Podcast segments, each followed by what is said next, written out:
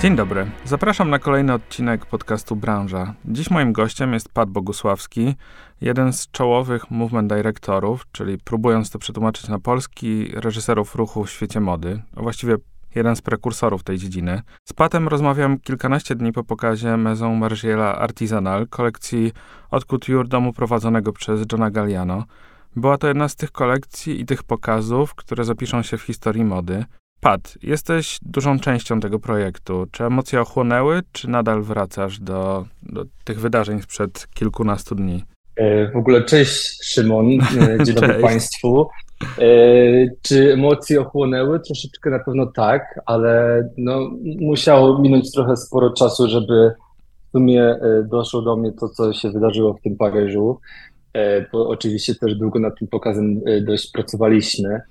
Więc e, no, feedback oczywiście jest dość fascynujący i też mhm. taki e, cieszący, prawda, dla kogoś, kto był e, częścią takiego wielkiego wydarzenia. Ale wydaje mi się, że, no, jak mówię wcześniej, mówiłem wcześniej, emocje już trochę opadły, mhm. więc jest A jak, spokojniej. Jak sobie radzisz teraz? No, nie jesteś oczywiście anonimową osobą w branży, ale mówmy się, ten pokaz no, chyba przebił wszystko, e, co do tej pory robiłeś, przynajmniej jeśli chodzi o zainteresowanie mediów. E, jak sobie radzisz e, z tym jeszcze dodatkową partią, partią zainteresowania, którą dostałeś?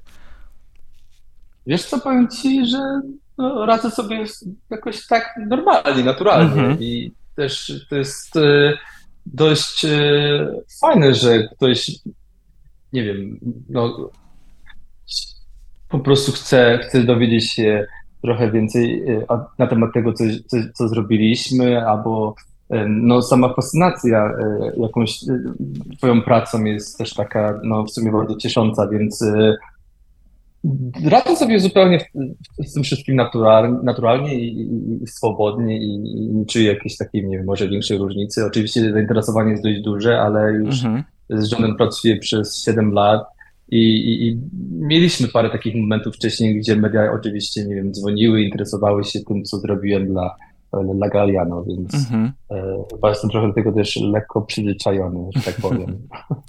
A możesz powiedzieć, co było inspiracją do, do tego pokazu, w sensie przynajmniej od tej też twojej strony, bo śledziłem pewne szczegóły, bilet na pokaz, lokalizacja, e, mhm. projekty były bardzo też charakterystyczne, wszystko to było zgodne. Jakie znaczenie w tym wszystkim miał ruch? Co było punktem wyjścia do, do, do stworzenia chyba można powiedzieć, choreografii? Wiesz co, dość często dostaję to pytanie a propos tego, czym się inspiruję, albo mhm. czy przygotowuję jakieś referencje, czy szukam czegoś na Google. I zawsze odpowiadam, że praktycznie nie, ponieważ dla mnie największą referencją czy inspiracją jest oczywiście kolekcja i muzyka. To mhm. jest y, dla mnie najważniejsza rzecz w pokazie, ale a propos tego pokazu, no Wydaje mi się, że jak pierwszego dnia, kiedy oczywiście e, wróciłem do Paryża po świętach i miałem spotkanie właśnie z Johnem i on mi pokazał dużo e, fotografii e, fotografa Brassai z lat 30.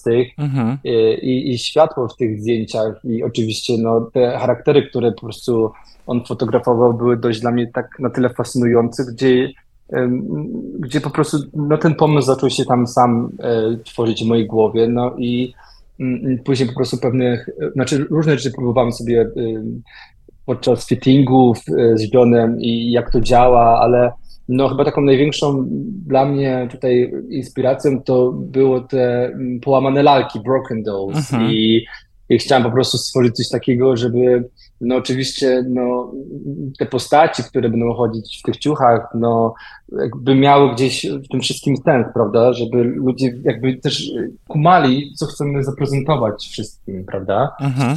E, więc no takie, takie broken dolls, porcelanowe la, lalki, które na przykład, nie wiem, może twoja babcia kiedyś miała na mhm. kanapie, na przykład moja miała w salonie prababcia, e, więc dla mnie ten taki połamany ruch w sumie był um, gdzieś takim czy takim największą inspiracją, taką największą inspiracją, przepraszam. E, ja właśnie tak czytałem, tak. że e, często dostajesz te pytania odnośnie jak pracujesz i też czytałem oczywiście odpowiedzi, że zazwyczaj dużo rzeczy rodzi się na planie, że to jest e, jakby coś, co wychodzi z ciebie, natomiast też sam wspominałeś, że praca akurat nad tym projektem też trwała trochę czasu i zakładam, że jednak to się dosyć mocno rozwijało, że że jednak stworzenie aż takich choreografii, no to nie jest takie, takie zupełnie spontaniczne dzieło. Zakładam, że jednak ten proces jakoś wygląda. Nie, no oczywiście, że tak. Możesz opowiedzieć trochę, jak to wygląda, nie wiem, czasowo, jak to w ogóle wygląda od twojej strony? Wiesz co, y, no jak wspomniałem wcześniej, ja pracuję z John Galliano już mhm. siódmy rok i y, to jest jedyny w sumie projekt, który naprawdę poświęca, poświęca bardzo dużo czasu na przygotowanie kolekcji i on jest jedynym projektantem, który tak naprawdę bukuje mnie przed pokazem już chyba 7 dni przed, mhm. więc jestem w sumie z nim no, po 16 godzin tak codziennie i z sobą razem pracujemy tak od godziny 10 nawet do drugiej czy trzeciej w nocy. E, I co robimy? No, oczywiście na początku mamy styling, więc no, tam Olivia Rizzo z John musi po prostu dopracować styling i mm, mm, no, jakby z, zrobić te swoje rzeczy od strony stylisty, które mhm. są potrzebne przed fittingami. I później oczywiście no, mamy te przymiarki i to jest ten czas też dla mnie właśnie, żeby popracować z tymi modelami czy z aktorami i, i, i dopracować gdzieś ten ruch. Y, zazwyczaj to wygląda tak, że jak przychodzi do nas model czy modelka, akurat teraz to, to było dość wyjątkowe, ponieważ wszyscy musieli nosić korsety, więc oni już mhm. musieli do nas przychodzić praktycznie codziennie do naszych tam lokalizacji, gdzie mieliśmy przymiarki y, i po prostu uczyć się chodzić w tych gorsetach i też jakby przyzwyczajać ciało do nich, ponieważ oczywiście to jest dość no, wykańczające dla e, organizmu też noszenie takiego gorsetu, który jest dość no, ściśnięty, prawda? Tak, no, Więc no szczególnie jesteśmy tak, do tego... Niektórych było to bardzo już takie mocno ściśnięte. Myślę, że no, no było dość to zrobione wszystko hardkorowo, więc tak. oni musieli gdzieś przynajmniej mieć około trzech dni takiego treningu z nami mhm. i po prostu przychodzili przed swoimi już e, przymiarkami dzień czy tam trzy dni i po prostu trenowali noszenie takiego resetu po 2-3 godziny e, dziennie. I moim zadaniem oczywiście jest to, żeby po prostu jak już są oni, oczywiście tam przychodzi nie wiem, no, jedna modelka i ona ma przymiarki, czy model i ja po prostu widząc widząc, co ona ma na sobie, zazwyczaj, zazwyczaj proszę ją, żeby spojrzała na siebie w lustro, zadaję różne pytania, albo jemu, e, jak się y, oczywiście czują w tym looku, co widzą, bo oczywiście też dla mnie bardzo istotne jest to, że oni muszą gdzieś w tym wszystkim myśleć i, i, i w ogóle jakby być też no bardzo świadom tego, co mają na sobie, prawda? Mhm. Więc później staram się ich trochę tam no, zainspirować, pokazać im pewne różne rzeczy na własnym ciele i wytłumaczyć im, o, o co w tym wszystkim chodzi i co byśmy chcieli uzyskać. I robię sobie taki mini właśnie z nimi trening, no mhm. i później John macha mi, że jest gotów, żeby zobaczyć taką modelkę czy modela. No i moim zadaniem jest to, żeby po prostu go na tyle zainspirować z własną kolekcją, żeby ci modele oczywiście zostali zabukowani do tego pokazu. No ale oczywiście po takich przymiarkach, czyli tam po sześciu dniach w sumie spędzonym e, w studiu, e, idziemy oczywiście na, e, do pracy na lo, lokalizacji, czyli teraz to właśnie było pod mostem Aleksandra i no, musimy dopracować różne techniczne rzeczy, światło, muzykę oczywiście, no i Mm, patrzymy, jak to wszystko działa i funkcjonuje. Oczywiście no, w tej lokalizacji, prawda? Mhm. Więc to też są kolejne dwa dni pracy. No ale jak powiedziałem wcześniej, no, John jest takim tutaj właśnie mm, mm, projektantem w modzie, który faktycznie no, wszystko musi być dopięte na, wszystko musi być dopięte na ostatni guzik i on potrafi z nami siedzieć do trzeciej w nocy i czasem na własnych kolanach po prostu, nie wiem, przycinać sukienkę, dosztywać coś. To jest po prostu niesamowite, jak patrzy się na człowieka, który jest w tym biznesie już, no nie wiem, 40 lat i ma mhm. Cały czas y, tak dużo pasji do tego. To jest naprawdę dla młodego człowieka, jak na przykład dla mnie, jest tak bardzo inspirujące i też uczące, bo spędzenie, w ogóle spędzanie czasu z Johnem jest dość takim e, fascynującym czasem dla mnie i naprawdę dość dużo, dużo, dużo naprawdę od niego mogę się nauczyć, no, więc... Rozumiem, że wspiera, bardzo wspiera cię też w twoim rozwoju tak naprawdę. Tak, oczywiście. Ale czytałem w jednym z wywiadów, których udzieliłeś, że, e, no, że było to jednym z twoich marzeń pracować z Johnem, że że jako powiedzmy osoba początkująca w branży, też trudno mi to umiejscowić na osi czasu, to ty wiesz lepiej. Często oglądałeś jego pokazy czy choreografie, które były też dla, no, zakładam, że dla Diora po prostu, jeszcze w poprzednich tak. latach. Zresztą przyznam, że czasem robiłem to samo dokładnie. Są takie pokazy, y, szczególnie od Couture właśnie, które robił, które były takie bardzo charakterystyczne i zjawiskowe. A powiedz jeszcze przy tym pokazie konkretnym, bo dla mnie to było też takie niesamowite, że tam mm, można powiedzieć, że były takie trochę sekcje i ten ruch też był, jeśli się nie mylę, do, zróżnicowane, jeśli chodzi o mhm. też poszczególne takie sekwencje stylizacyjne, bo mam wrażenie, że trochę inaczej to funkcjonowało w przypadku tych takich dużych, rozbudowanych rękawów, trochę inaczej w przypadku właśnie tam, gdzie gorset był w roli głównej, trochę jeszcze inaczej w tej końcowej fazie i czy już na samym miejscu pokazu um, też przechodziłeś z każdym modelem, modelką przez właśnie um, wybieg, czy jakby już to było takie... Tak, oczywiście. Ja mhm. w sumie teraz jak na przykład nie wiem, oglądam jakieś stare filmy dokumentalne i widzę to, co robił John właśnie w latach 90., to w sumie ja no, mogę tak powiedzieć, że trochę wykonuję tą jego pracę, którą y, on wykonywał y, w tamtych czasach, prawda? Mhm. On był w sumie tą osobą, która kreowała te charaktery i postaci, pokazywał im, jak oni mają się poruszać, a teraz on y, po prostu ma mnie i ja to wszystko robię za niego. On może się skupić no, na tym wszystkim, co jest poza ruchem, prawda? I no ja w sumie wykonuję tą jego robotę, którą on wykonywał, więc y, też wydaje mi się, że super się zmaczowaliśmy, bo oczywiście, może właśnie jak powiedziałeś wcześniej, oglądałem dużo jego pokazów y, też za dziecka i pamiętam właśnie, że jak mieszkałem jeszcze w Łodzi, to, to z mamą moją, to oglądałem właśnie bardzo dużo Fashion TV i to było w sumie takie dla mnie jedyne okno na modę i na świat.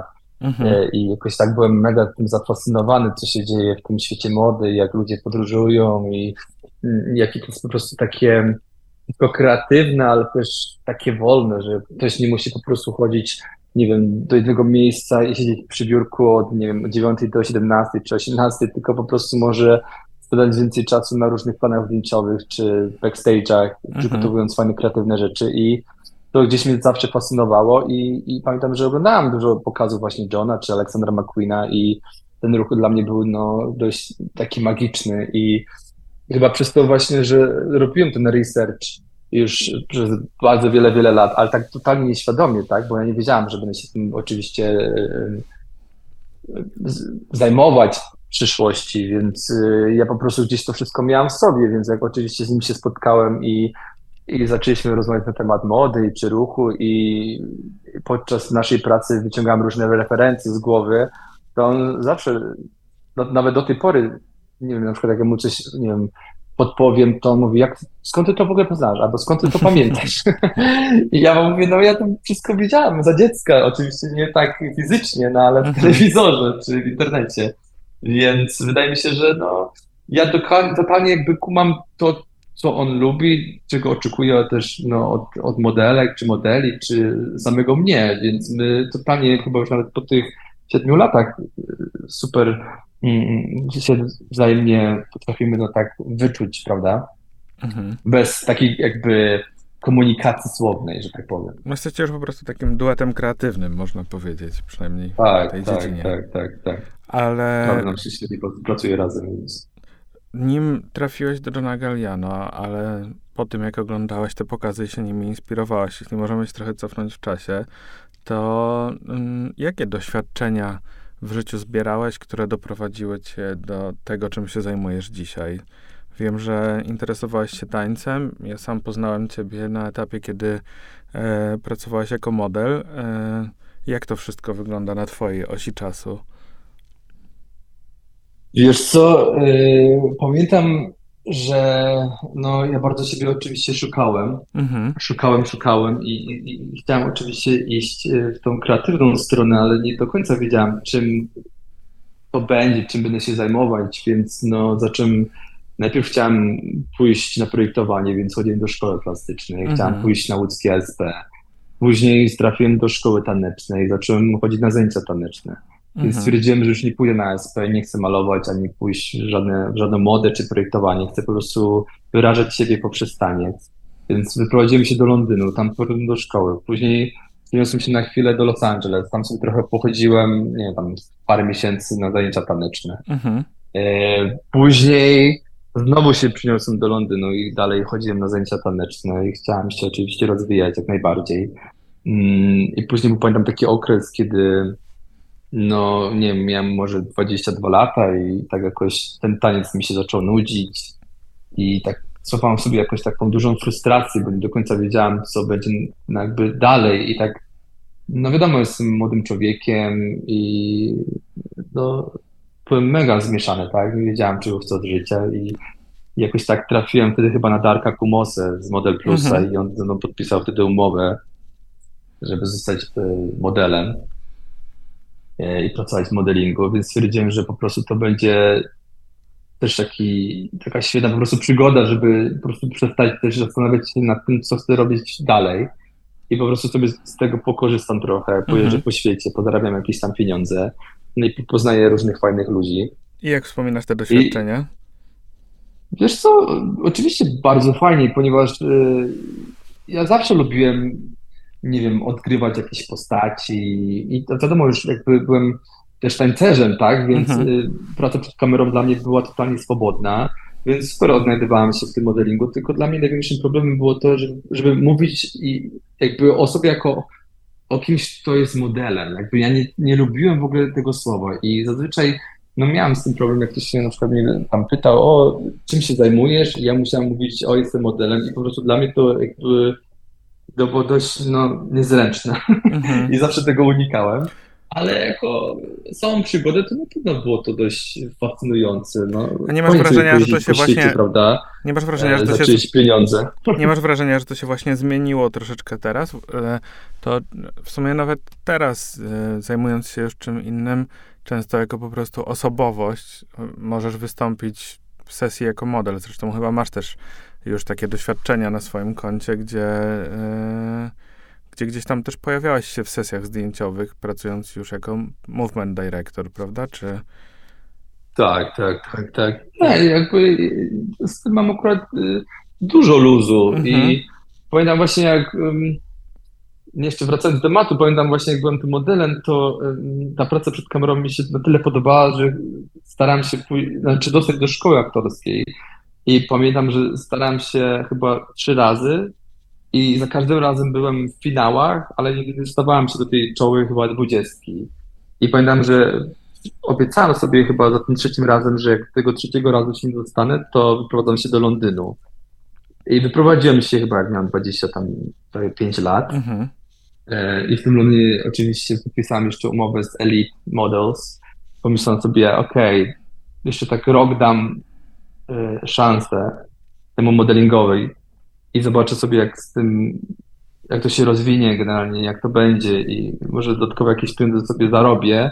No ale nie było mi też łatwo, bo w ogóle nic nie wychodziło z tego modelingu, jak miałem 25 lat, już po tej przeprowadzce tak na stałe do tego Londynu i musiałem y, łapać się tak, no, takich różnych dziwnych prac, tylko żeby przetrwać w tym Londynie i to może też być jakąś inspiracją dla młodych ludzi, że niektórzy sobie może mają jakieś dziwne wyobrażenie na, na temat mojego zdania, myślą sobie, że tak wszystko poszło z górki i było łatwo, ale tak też nie było, ponieważ przez te pierwsze trzy lata ja łapałem się takich no dość dziwnych prac, na przykład pamiętam jedną z nich było była praca sandwichmana i to było rozwoże, rozwożenie kanapek e, po East London, po biurach i ja wtedy zarabiałem 20 funtów dziennie, mhm. więc nawet te zarobki mi nie starczały na to, żeby opłacić swój czynsz w Londynie i no i ja po prostu byłem dość tak przez pierwsze 2-3 lata tak no zawzięty, żeby po prostu tylko przetrwać. Żeby się utrzymać na powierzchni. Kraju. Więc no miałem dużo różnych przygód i te, no jak mówię, wcześniej, mówiłem wcześniej, no te dwa pierwsze trzy lata były dość ciężkie w tym Londynie, żeby przetrwać, bo ja miałem totalną biedę. No, niestety, szczególnie chyba w męskim modelingu też te stawki są różne, no i umówmy się, konkurencja Tak, ale ja w ogóle nic, wysoka. ja w ogóle nic wtedy, pamiętam, po tej przeprowadzce do Londynu, pamiętam, że ja nic nie zarabiałem. Dostałem Mhm. cały czas jakieś edytoriale, e, za które nie dostałem żadnych, żadnych, żadnych pieniędzy i ja, nie wiem, pracowałem w różnych barach, pracowałem jako windziarz w pewnym momencie w Selfridges, e, rozwoziłem te kanapki, później e, jak dostałem, pamiętam, pracę na siłowni, na recepcji, to dla mnie to był duży sukces, bo stwierdziłem, że okej, to jest jakaś już taka solidna dla mnie praca.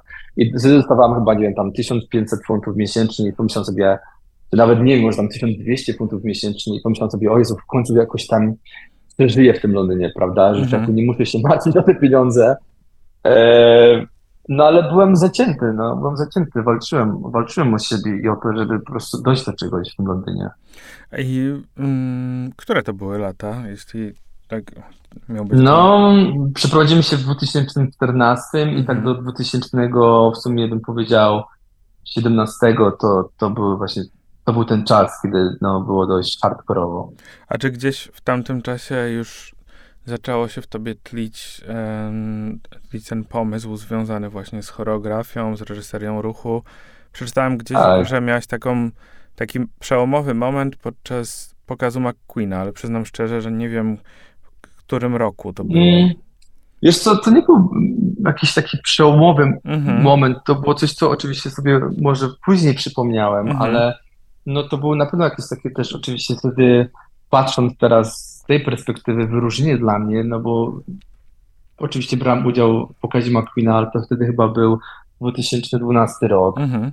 E, I no i oczywiście Sara wtedy pamiętam, że zapytała się mnie, czy podczas prób, czy mogę uczyć, e, pokazać generalnie tym innym modelom, jak się chodzi po wybiegu, bo byłam mega mną zainspirowana i pamiętam wtedy sobie chyba akurat zabukowałam e, nawet lookbooka Aleksandra McQueena zaraz po tym pokazie, bo jej się jakoś tak bardzo spodobałem i to jak generalnie, nie wiem, no jak odgrywałam jakąś tam postać na tej scenie, nawet nie Mhm. pamiętam już wtedy, co robiłem, ale widocznie musiały się bardzo spodobać, jak zapytała się czy mogę wszystkim pokazać, jak się poruszam. Ale e, też miałam oczywiście duże szczęście, ponieważ chyba tam, nie wiem, okresie 2000, przepraszam, 2015-2016 pracowałem jako asystent kreatywny dla choreografa Aaron Sillis. Mhm. I ja zarabiałem też oczywiście tam jakieś takie totalnie śmieszne pieniądze, to były jakieś grosze u niego, ale no to pomyślałem sobie, że to może być fajne właśnie w tym rozwoju takim kreatywnym dla samego siebie i w dalszym takim szukaniu siebie, prawda? I pamiętam, że moment taki przełomowy dla mnie naprawdę, kiedy się dowiedziałem o tym, że, że jest coś takiego jak właśnie jak movement direction, mm, to był taki moment, kiedy on do mnie zadzwonił, no, choreograf Aaron Sillis, z którym Mhm.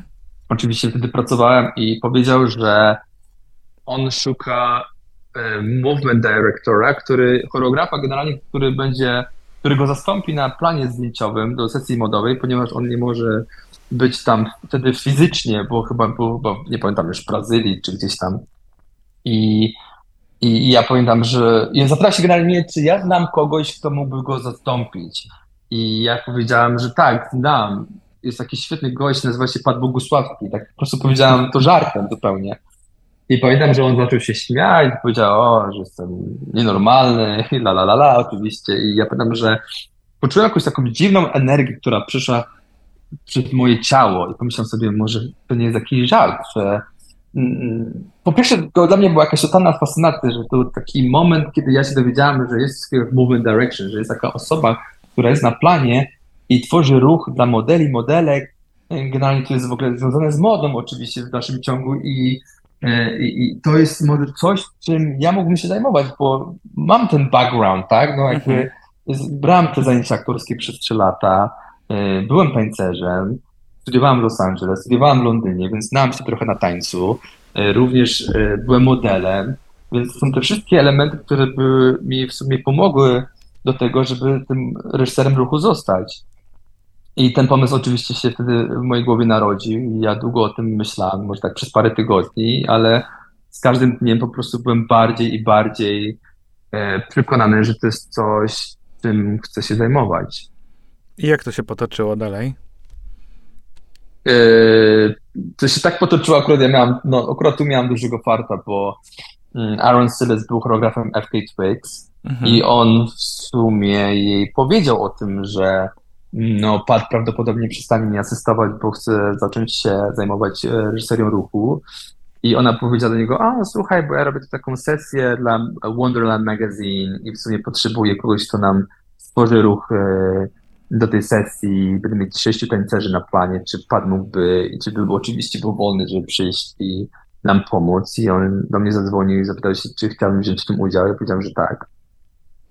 No i yy, na planie oczywiście czułem się no sobą, czułem się rewelacyjnie, tak, bo robiłem coś, czym byłem totalnie zafascynowany i w pewnym momencie oczywiście jak ten magazyn już wyszedł, to ludzie zaczęli się interesować tym, mm, czym teraz się zajmuję i że w ogóle oczywiście zrobiłem świetny projekt, ale też y, no, ludzie w młodzież też mnie kumali przez to właśnie, że byłem modelem, tak? Wiedzieli, kim ja jestem, więc mhm. dla nich też było taką dużą może fascynacją to, yy, znaczy dla nich było dużą fascynacją, że yy, zajmuję się czymś ciekawym, ale to też jakby może, że mi ufali, bo wiedzieli jak ja osobiście się poruszam przed kamerą, bo ci fotografowie, fotografowie, którzy ze mną wcześniej pracowali, no wiedzieli, że jestem gdzieś ruchowo dobry i potrafię odgrywać różne postaci przed kamerą i sprawia mi to totalną łatwość. Więc tak trochę, akurat tu już było tak trochę bardziej z górki, bo już mhm. miałem te kontakty i, i, i, i jakoś było mi łatwiej mm, dostawać kolejne sesje. No ale te pierwsze dwa, trzy lata oczywiście to nie były, to nie były y, takie sesje, gdzie ja dostawałem już jakieś pieniądze za, za te swoje prace, bo to, było raczej taki, to był raczej taki czas, kiedy ja budowałem swoje portfolio i musiałem wszystko robić po prostu za darmo. E, więc zrobiłem praktycznie same edytoriale przez pierwsze 2-3 lata, mhm. prawda? A zauważyłeś. I dalej taki... pracowałam na siłowni. Okej, okay, no, no właśnie to jest ta zaciętość, tak, żeby zaangażowanie, żeby jednak zbudować e, swoją markę, tak, bo Oczywiście. umówmy się, że wielu z nas zaczynając jakąś pracę w tej zwanej branży mody, często zaczynało od staży, e, lub bardzo niskopłatnych prac i Dokładnie. No, nie wiem, czy to tak powinno wyglądać, ale w dużej mierze tak to wyglądało. E, ale e, powiedz mi, bo z drugiej strony, razem z Twoim rozwojem, mam wrażenie, że w ogóle e, coś takiego jak movement direction się też rozwijało globalnie. W sensie, że e, no ja też jestem obserwatorem tego rynku i E, nie wiem, czy to przez pryzmat ciebie, e, ale zacząłem zwracać uwagę, że właśnie w ostatnich latach przede wszystkim stało się to wręcz takim standardem na planie, że jest fotograf, jest model, modelka, czy postać, jest stylizacja, włosy, make-up, światło i tak dalej. I jest właśnie mhm. movement director. Czy zauważyłeś, że jakby potrzeba posiadania na planie, czy zaproszenia do projektu movement directora też zaczęła tak naprawdę rosnąć dopiero w ostatnich latach? Wiesz co, no na pewno, po, ponieważ ja e, jak zaczynałem się tym zajmować, to był tylko Stephen Galloway i Les Child. Ja w ogóle nawet wtedy o nich nawet no, nie słyszałem, nie wiedziałem, kim mm -hmm. oni mhm. są, ale pamiętam, że najpierw dowiedziałem się o Les Child który był, znaczy jest w dalszym ciągu w mojej agencji. Jesteśmy reprezentowani przez, przez tą samą agentkę i później dowiedziałem się o Steven Galloway, który pracuje, pracował w dalszym ciągu um, z Ines Winut. Mhm. E, I w sumie ja byłem taką, wydaje mi się, no, gdzieś trzecią osobą na rynku, która weszła i zaczęła się tym zajmować, ale ja czułem, że w dalszym ciągu nie, jakby ten, ten zawód nie był na tyle rozwinięty i ludzie tak naprawdę nie wiedzieli w dalszym ciągu, kim jest movement director, reżyser ruchu. Więc ja stwierdziłem, że ja po prostu to, znaczy wezmę się za to i, i zrobię z tego jakiś dobry biznes. Mhm. No, e, bo mimo tego, że, no jak już powiedziałem, że ci dwaj panowie byli na rynku i pracowali dość długo, to w sumie 95% ludzi, którzy pracowało albo pracują w, tym dalszym ciągu w tym biznesie, w ogóle nie miało pojęcia, czym się zajmuje. Mhm. Więc za każdym razem po prostu przychodząc na plan musiałem wszystkim się tłumaczyć, dlaczego tutaj jestem, a w ogóle co ja robię. Um, więc no to było dość w sumie męczące przez ten rok czy dwa mojej kariery, tej pierwszej, pierwszej, przepraszam, ten Mhm. pierwszy rok czy dwa mojej kariery, takie tłumaczenie się i cały czas jakby usprawiedliwianie, więc y, y, ale ja stwierdziłem, że ja to gdzieś rozbuduję na tyle, że ludzie zaczną mieć na to większe, większe e, podążanie, będą chcieli po prostu zawsze mieć na planie reżysera ruchu, bo stwierdzą, że po prostu to, co robię i wykonuję, jest na tyle potrzebne e, kreowaniu zdjęcia czy filmu, żeby po prostu no, mieć taką osobę ze sobą na planie, prawda? I teraz chyba tą pracą na tyle jak przekonałeś, że jest to już po prostu praktycznie standardem, prawda? Że już nikt się nie pyta, co robi reżyser ruchu na planie. Tak, tak, tak, tak. Teraz wchodzę i robię swoje. Aczkolwiek właśnie czytałem jedną z twoich anegdot o Victorii Beckham, która tak bardzo się na początku spinała jakby tą całą sytuacją. e, e, jakby pomogłaś Tak, ona się ale ja powiem, że no bo dla mnie reżyseria ruchu to nie jest tylko ruch, ale to też Mhm. trochę jest takie art direction, creative direction, bo y, no nie wiem, na przykład nie mogę oczywiście się tutaj wypowiedzieć y, za innych reżyserów ruchu, ale na przykład ruchu, przepraszam, ale ja no biorę to też jako, jako, jako no nie wiem, ja kumam generalnie fotografię, bo zawsze się tą fotografią interesowałem i też bardzo rozumiem światło, czy muzykę na planie, czy generalnie mm, no jakby oczywiście już sam ruch, ale też emocje w zdjęciu, więc jakby dla mnie to jest takie trochę art direction, movement direction. To, Mhm. to nie jest tylko ruch, ale po prostu jakby tworzenie zdjęcia, to jest jakby trochę bycie fotografem, ale nie, będę, dalszym, jakby nie jestem tą osobą, która robi to zdjęcie, ale, ale tworzę to zdjęcie, prawda, z tym fotografem. Więc dla mnie to jest taki cały package. To nie jest tylko po prostu ruch, ale to jest po prostu rozumienie wszystkiego, co dzieje się wokół, żeby stworzyć jak najlepsze zdjęcie. Mhm. I ja to generalnie robię i wydaje mi się, że, znaczy na pewno pamiętam, że ja kilka pomysłów podrzuciłem Wiktorii, bo ona do końca nie wiedziała, jak się poruszać, co ona ma robić na tym planie, w ogóle jak powinniśmy, jakby w którym kierunku powinniśmy zrobić te zdjęcia i w którym kierunku powinno to pójść. I ja po prostu posunąłem jej parę pomysłów i jej się to bardzo spodobało i ona to od razu kupiła i kupiła mnie. I się zakumplowaliśmy na tym planie na maksa, więc, y, więc no, czasem trzeba do siebie ludzi przekonać, ale to y, wydaje mi się, że to jest też normalne, no, bo wiadomo, no, poznajesz nowego człowieka, ta osoba też cię nie zna, musi trochę wyczuć twój styl i twój gust i po prostu trzeba na spokojnie tych ludzi trochę czasem do siebie przekonać. I czasem wyjść poza strefę komfortu, jak ci tancerze baletowi tańczący do techno, tak? Tak, tak, tak. Słuchaj, Tak, ja, no mam różne pomysły. ja znowu jak patrzę na twoją karierę, to pamiętam taki moment, e, który może z tej światowej perspektywy nie jest aż taki ważny, ale tutaj powiedzmy, znając ciebie od iluś lat, e, dla mnie to była e, też jakby taka premiera ciebie w nowej roli, jak Miss Behave zdecydowało się na pokaz w Warszawie i e, pamiętam, mm, że no, reżyserowałaś ten pokaz, ale tutaj właśnie tak fajnie połączyłeś te różne e, doświadczenia, tak? Bo z jednej strony reżyserowałaś pokaz, z drugiej strony trochę brałeś w nim udział. E, no, dużo się tam działo, ale e, to było takie e, fajne wspomnienie też po prostu dla tych, którzy nie Tak, to oglądali. super, no. E, Pat e, jako reżyser też pokazał, ale jednocześnie brał udział, był na środku wybiegu, można powiedzieć, z kamerą i e, no, budowałaś pewnego rodzaju taką narrację, fabułę wokół tego wydarzenia. Tak, tak, tak. No to dość fajne wspomnienie jest na pewno. Zresztą- I teraz trochę już nie pamiętam, bo minęło parę dobrych Tak, lat wiesz, to jest tego 6 lat. ja nawet Wow, dzisiaj wspominałem, tak, Jezus. 2018. Później jeszcze pamiętam, później jeszcze pamiętam, jak pracowaliście chyba przy takim wideo dla Miss Behave i Reeboka i tam też znowu wcielałeś się jakby trochę tak i w reżysera, i w uczestnika tego projektu, bo Tak, tak. Pamiętam, się mnie zapytała, czy chciałbym właśnie wziąć w tym udział i I nie mam super relacji z nimi. Teraz też bardzo dobrymi przyjaciele, więc mhm. E, jak czasem są.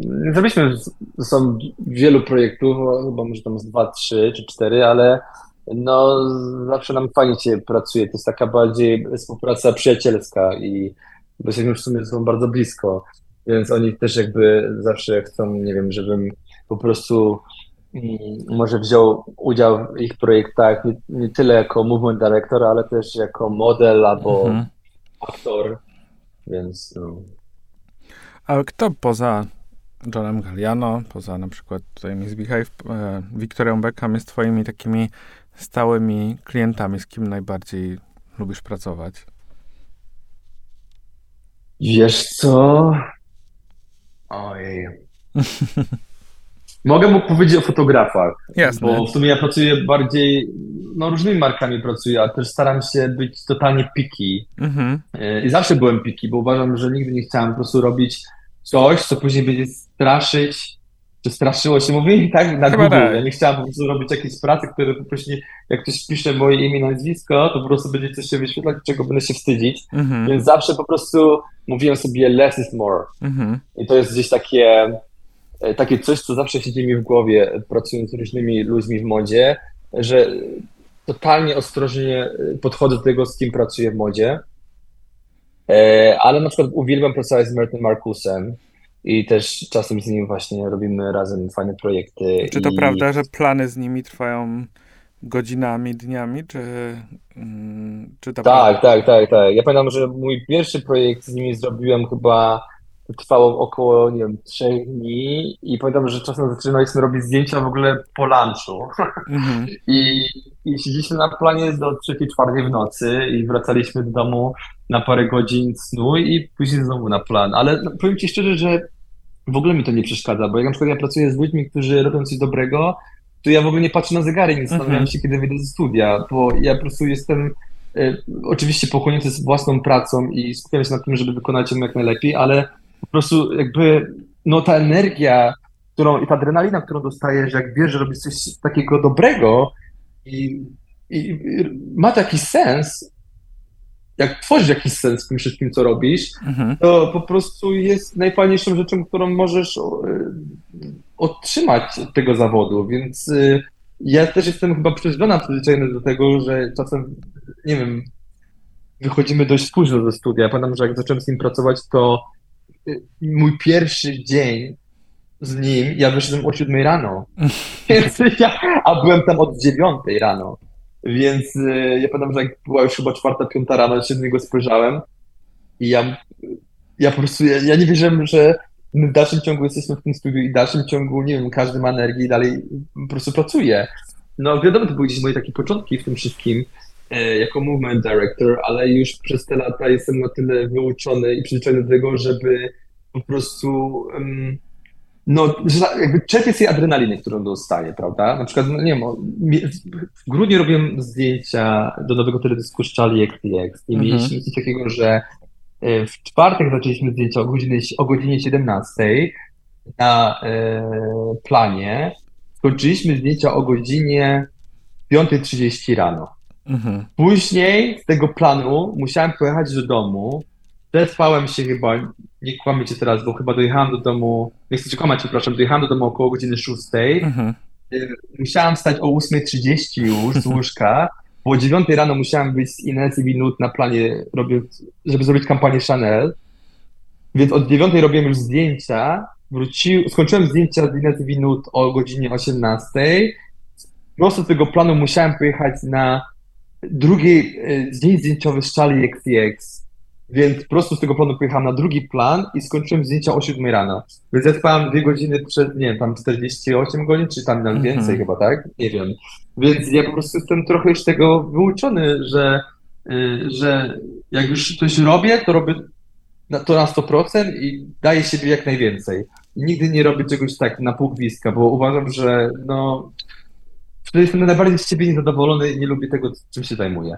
Więc dlatego chyba tak bardzo ostrożnie podchodzę do tego, e, nie wiem, z kim pracuję mhm. i w jakim projekcie mam wziąć udział. To jest dla mnie bardzo ważne. Nie? No tak, no jednak Mert Markus, było na TikTok. Mert Markus, Ines Winut, to jest taka światowa czołówka. Myślę, że jak to powiedziałeś o pokazach Galliano, ich też pracę można było oglądać za dzieciaka już tak naprawdę. No tak. A z kim tak, jeszcze tak, tak lubisz tak, pracować? Kim jeszcze lubię pracować? Mhm. Ojej. Kim jeszcze ja lubię pracować? Mm, nie wiem, czy mówimy o fotografach, czy o projektantach. To od ciebie mówimy... zależy. Możemy mieszać wszystkich. Znaczy, z Johnem Galliano to już wiem, że uwie... lubisz. Nie, na przykład jak pracowałem z Duą Lipą, zrobiłem mm -hmm. z nią parę projektów, super mi się z nią pracowało. Ona jest naprawdę bardzo fajną dziewczyną, taka, taka, taka, taka normalna, fajna laska, z którą można o kim porozmawiać. Ona jest też taka mega zaangażowana y, oczywiście w to, co robi, więc dużo pytań, jest fajna kolaboracja.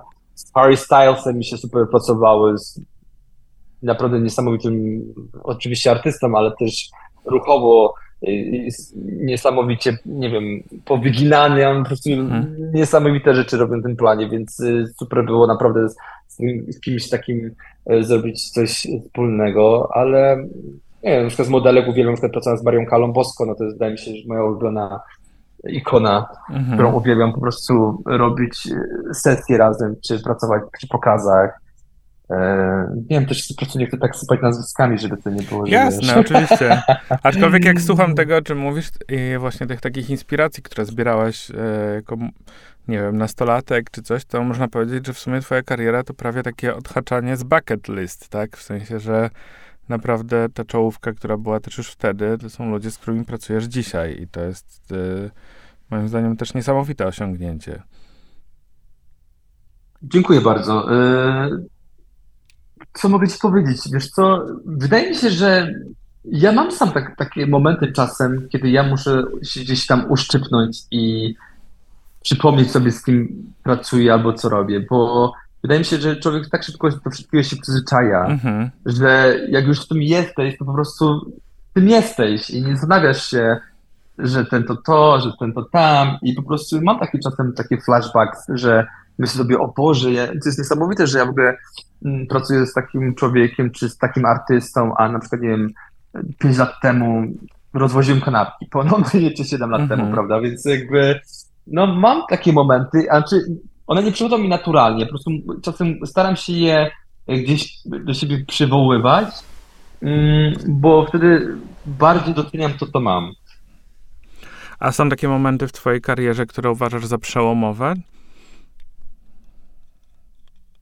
nie wiem, na przykład ludzie mówią, że ten ostatni pokaz jest przełomowy w moim karierze i dużo osób na przykład, nie wiem, e, znaczy ja w ogóle nie wierzę w to, co się wydarzyło po tym pokazie, pokazie nawet patrząc na, na, na, na, na, na oczywiście na zainteresowanie, ale na, na, mas, na, na ilość wiadomości, którą ja dostałem od ludzi, ja pamiętam, że dostałem pierwszego dnia około, nie wiem, 600 czy 700 wiadomości. Tego pierwszego dnia, piątek mhm. po pokazie, od ludzi, których zupełnie nie znam i, i, i wszyscy mi pisali, że mi strasznie dziękują.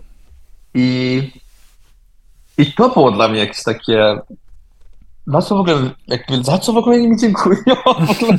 ja po prostu wykonuję swoją pracę, ale tak doszło to do mnie chyba um, ostatnio, kiedy na przykład, nie wiem, dwa dni temu rozmawiałem z Tim Blanks, y, on robił wywiad do Business of Fashion mm -hmm. i no to jest człowiek, który oczywiście jest jakby no częścią tego całego świata mody i, i, i on mi właśnie powiedział, że on oglądając ten pokaz płakał i czuł się jakby był w tych latach 90. Mhm. I ja sobie pomyślałem, okej, okay, czyli to było w sumie zawsze gdzieś moim zadaniem, żeby po prostu gdzieś przywrócić tą energię starych pokazów, żeby po prostu mniej skupiać się na produkcie, ale skupiać się też bardziej na tym ruchu, na, na modelach, na ekspresji, dokładnie, na energii w tym pokazie, którego, w którym biorę udział. I dostając taki komplement od takiego człowieka jak tym, pomyślałem sobie, okej, okay, czy to jest takie wyróżnienie, no bo to jest człowiek, który gdzieś siedzi w tym już, o nie wiem, o 40, 50, 50 może nawet mm -hmm. lat. I gdzie, gdzie tacy ludzie mi dziękują i i mówią, że zrobią kawał dobrej roboty, to ja wtedy to biorę jako, okej, okay, czy to jest, czy to jest, czy to dla mnie, to jest dla mnie wtedy wyróżnienie, nie? Że, Okej, okay. czyli zrobiłem na pewno coś chyba okej, okay, dobrego. No tak, tak, tak. Chociaż już w 2019 roku był taki jeden z pierwszych wiralowych momentów, moim zdaniem, w twojej karierze. Też zresztą związany z Johnem Galliano, z Leonem Damem. Eee, pamiętasz jeszcze ten pokaz? Oczywiście, że pamiętam, pamiętam. Ale to było niesamowite, że ja wtedy ten pokaz zrobiłem, ale to był taki dla mnie chyba najgorszy okres, taki dla, gorszy okres, bo ja pamiętam, że mm, byłem jakiś taki mega pogubiony, w ogóle nie chciałem wykonywać reżyserii ruchu już. Miałem taki moment, że w ogóle nie wiedziałem, czy to jest w ogóle to i czy ja w ogóle tym chcę się zajmować. I, I wtedy ten pokaz się wydarzył. I ja wtedy zrobiłem chyba, nie wiem, czasem ludzie mówią, że nieszczęśliwy artysta y, pogubiony i po prostu, nie wiem, w bólach i cierpieniach wykonuje najlepsze rzeczy i po prostu może wtedy ja po prostu w tym bólu i w żalu i w tych cierpieniach po prostu stwierdziłem, ok, postawiłem wszystko na jedną kartę. I, i zrobiłem to z Lyonem i pamiętam, że to był chyba taki moment, który gdzieś uratował nie, jako reżysera ruchu. Jak mi się wydaje, teraz patrzę na to wszystko, bo wydaje mi się, że może bym się tym nie, nie zajmował, nie wykonywałbym tego zawodu. A no. wtedy pamiętam, że jak to wybuchło, yy, wszystko to sobie pomyślałem, o, teraz nie mam wyjścia, muszę dalej to wszystko ciągnąć. No tak, ten moment chyba też się zapisał na kartach modowej historii. E, zresztą czytałem też później, czy słuchałem nawet jakichś rozmów, e, gdzie mówiłeś o tym, skąd czerpiesz inspirację do, jak właściwie, skąd czerpiesz energię i inspirację do te, tego typu projektów, do tego, żeby trochę stworzyć też taki ruch. I wspominałeś, że e, tak naprawdę starasz się unikać takich stricte mediów, a energię i właśnie inspirację czerpiesz ze świata, który cię otacza, z ulicy, z wielu miejsc, że ten ruch właśnie tam najbardziej cię inspiruje. Tak, tak, tak. Ja po prostu staram się, znaczy ja nie szukam inspiracji w modzie. Mhm. Nie oglądam żadnych, nie wiem, editoriali, czy e, nie wiem, nie siedzę na Instagramie i szukam jakiejś, nie wiem, inspiracji do sesji, czy do jakiegoś filmu, który go tworzę. Ja po prostu staram się mieć oczy szeroko otwarte i, i nie wiem, obserwować ludzi na ulicach, albo, albo nie wiem, ja po prostu czerpię dużo też inspiracji, pamiętam, czy pamiętam, co ja mówię. Generalnie czerpię dużo inspiracji z muzyki i mhm. uwielbiam słuchać zawsze muzykę i na przykład codziennie sobie włączam Filipa Glassa, czy jakichś innych po prostu artystów i kompozytorów i, i to mnie gdzieś inspiruje po prostu, żeby tworzyć w moich myślach, w głowie jakiś ruch i wydaje mi się, że tak naprawdę najbardziej no, muzyka jest największą dla mnie inspiracją. A jak dbasz o siebie yy, i o to, żeby tą energię cały czas mieć? Dużo razy w naszej rozmowie pojawiał się taki motyw pracy, nie wiem, po 16 godzin dziennie, dwóch godzin snu przez 48 tak. godzin, a jednak yy, no też dużo z siebie dajesz. Musisz tą energią zarażać, trochę ją tak z siebie dawać. Tak, tak, e, tak. tak. Czasem, mówiąc znaczy, tak kolokwialnie, no, nieść no, ten plan na, na, na sobie, tak? I, e, no, no, tak. Jak dbasz o swój well-being i, i, o swoje ciało też w tym wszystkim, no bo... Cały czas, cały czas, cały czas dbam. To nie mam czegoś takiego, że wiesz jak to mówią, summer body all year. Okay. I ja po prostu mam to samo, że no nie piję alkoholu, nie biorę narkotyków, nie palę papierosów i jakby no papierosów akurat nigdy nie brałem. Znaczy nie paliłem i narkotyków raczej też nigdy nie brałem, bo nigdy mi to w ogóle nie kręciło. Gdzieś zawsze w głowie mi się działo to, że y, na, narkotyki y, y, zabijają, jak to oczywiście rodzice mi mówili za mhm. dziecka, więc zawsze się bałem tego, że ktoś wezmę i umrę. A alkohol po prostu też odstawiłem chyba w wieku tam, nie wiem, 27-8 lat, ponieważ no te, te, te mm, jak to się mówi po polsku, hangovers, przepraszam, nie pamiętam. No, kac po prostu. Te kace, dokładnie. Te kace były coraz gorsze i to nie było tak jak, wiesz, nie, nie byłeś nastolatkiem, miałem kaca mhm. tylko rano, później zjadłem, wiesz, jakieś słone śniadanie i wszystko było ok, wróciło do normy, a to po prostu ten kac teraz już jak miałem tam 20, no, przepraszam, 20, miałem 26 27 lat, on, nie ten kac trwał gdzieś, nie wiem, 2-3 dni. Więc stwierdziłem, okej, okay, dobra, muszę odstawić ten alkohol, a też dużo nie piłem. Mhm. I wydaje mi się, dlatego to tak bardzo mnie y, uderzało, bo mój organizm nie był przyzwyczajony do tego alkoholu. Nie wiem, może tam wypiłem co dwa, trzy tygodnie jakąś, jakieś parę lampek wina czy coś, ale te, ten, ten kat, przepraszam, był no, dość intensywny i stwierdziłem, że odstawię wszystko, więc no, jestem sober, jak powiedziałem teraz i staram się jeść dobre jedzenie, yy, codziennie chodzę na siłownię, pójdę sobie raz na jakiś czas na pilares, no i też yy, rzadko imprezuję, rzadko wychodzę, mm, Pójdę oczywiście na jakąś kolację, ale tak, żeby być, nie wiem, potańczyć, to zazwyczaj mi się nie chce. Wysypiam się dość, no, staram się 8 godzin spać, tak codziennie. Mhm. To jest dla mnie, oczywiście sen jest dla mnie najważniejszy i, no i dobre jedzenie. No, I chyba z tego, co widziałem, też podróże od czasu do czasu. Czy, o, czy to nie jest już no takie No tak, ważne? ja staram sobie tak, no oczywiście mam całe szczęście, że oczywiście ten, y, y, ten, ta moda zamyka się na cały sierpień tutaj, mhm. więc nie ma w ogóle dostępu do żadnej pracy. Nie, nie mamy czegoś takiego, że dzwonią do nas w sierpniu i mówią, czy przyjdziemy na plan. Wiem, że w Polsce jest inaczej, bo Londyn, Paryż czy Nowy Jork totalnie się zamyka na sierpień. W Polsce wszyscy by chcieli pracować w sierpniu dla odmiany. Tak, dokładnie, tak jest w Polsce. A tutaj jest tak, że wszystko się zamyka i wszyscy wyjeżdżają na miesiąc na wakacje, więc ja jestem w sumie wręcz zmuszony do tego, żeby miesiąc odpocząć. I to jest też fajne, że no, um, mam ten wolny czas, żeby po prostu sobie gdzieś zabukować dobre wakacje i na przykład, nie wiem, cały miesiąc posiedzieć na Ibizie, czy gdzieś po prostu we Włoszech, tam nie wiem, w Szkocji, gdziekolwiek, prawda, gdzie mi się tam, nie wiem, wymarzy. Y, no, takie miesięczne wakacje są dość y, dobre dla duszy. Resetujące. Bo wtedy człowiek totalnie się resetuje. Tak, dla mnie wakacje takie dwutygodniowe to nie są wakacje, bo ja przez pierwszy tydzień jadę na, gdzieś na adrenalinie mhm. cały czas po, po pracy. Później drugi tydzień ta adrenalina dopiero ze mnie zaczyna schodzić trzeciego tygodnia zaczynam gdzieś normalnie funkcjonować i tak się wyciszać, a czwartego tygodnia tak to są już dla mnie prawdziwe wakacje, więc ja, ja no, potrzebuję trochę czasu, żeby ochłonąć.